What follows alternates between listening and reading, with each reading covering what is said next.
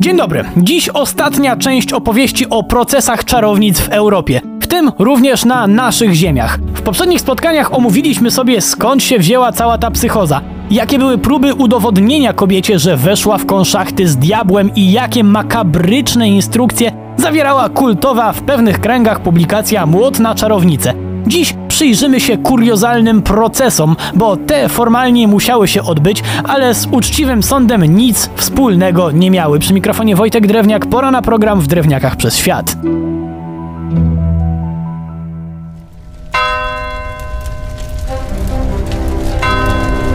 Sądy na kobietach oskarżonych o czary były widowiskami publicznymi. Co więcej, zawsze gromadziły tłumy, które z jakiegoś powodu liczyły na krwawy finał. Czemu była to dla tłumu taka rozrywka? Nie wiem i wnikać chyba za bardzo nie chcę. W każdym razie ludzie tak strasznie chcieli zobaczyć umierającą osobę, że jak raz na, jak to mówią, ruski rok sąd dziewczynę uniewinniał, to zawiedziona publiczność potrafiła wszczynać zamieszki. To jednak nie zdarzało się często, a ci, którzy byli na kilku takich sądach, znali już schemat na pamięć. Najpierw doprowadzano oskarżoną przed sąd, ale nie byle jak. Dziewczynę przynoszono przywiązaną do deski albo w takiej bardzo budżetowej lektyce. Po co? Żeby nie miała kontaktu z ziemią, przez którą mogłaby poprosić diabła o pomoc. Niby sędziowie byli chronieni przez samego Boga przed rzuceniem na nich uroku, ale jak to mówią, strzeżonego Pan Bóg strzeże i zabezpieczali się oni na dwa sposoby. Po pierwsze, mieli przy sobie często poświęcone przedmioty, a po drugie, domniemana czarownica bywała sadzana tyłem do przedstawicieli prawa, żeby ich już na bank nie zaczarowała. Nadal mogła jednak rzucić urok na publiczność albo straż, więc wszyscy zgromadzeni mieli surowy zakaz dotykania oskarżonej. Kiedy już zadbano o bezpieczeństwo wszystkich poza oskarżoną, to zaczynało się bardzo podchwytliwe przesłuchanie, któremu często kobieta nie dawała rady. Czemu?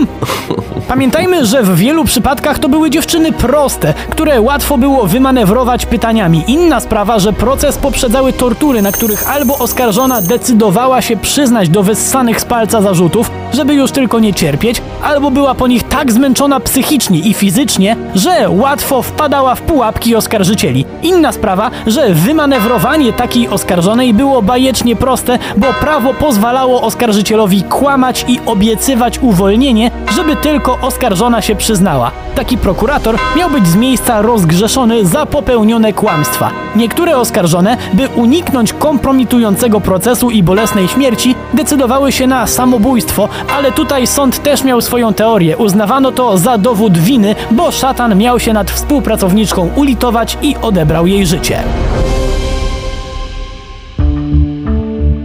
Kiedy ta makabra skończyła się na naszych ziemiach? Teoretycznie na początku XVII wieku. Chociaż nie mamy pewnych danych, to o skali tego zjawiska na terenach dzisiejszej Polski świadczyć może to, że przez około 150 lat na samym Śląsku życia pozbawiono jakieś 600 domniemanych czarownic, często oskarżonych o konszachty z diabłem, bo zajmowały się leczeniem ziołami albo były na tyle miłe, że odebrały poród.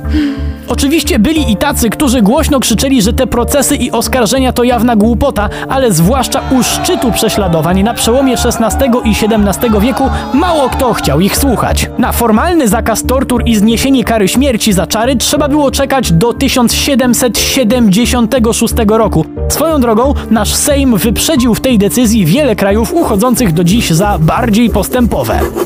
Jednak nie od dziś wiadomo, że prawo prawem, a tradycja żyje własnym życiem. Jeszcze przez długie lata kobiety traciły życie w wyniku oskarżeń o czary. Już co prawda nie w wyniku działań sądów, ale za sprawą lokalnych samosądów, które miały ze sprawiedliwością podobnie wiele wspólnego. Procesy czarownic to kolejny historyczny dowód na to, jak fanatyzm i ślepy strach, nie poparty żadną racjonalną nauką, może doprowadzić do niepojętych tragedii. Warto o tym pamiętać. Przy mikrofonie był Wojtek Drewniak. Do usłyszenia.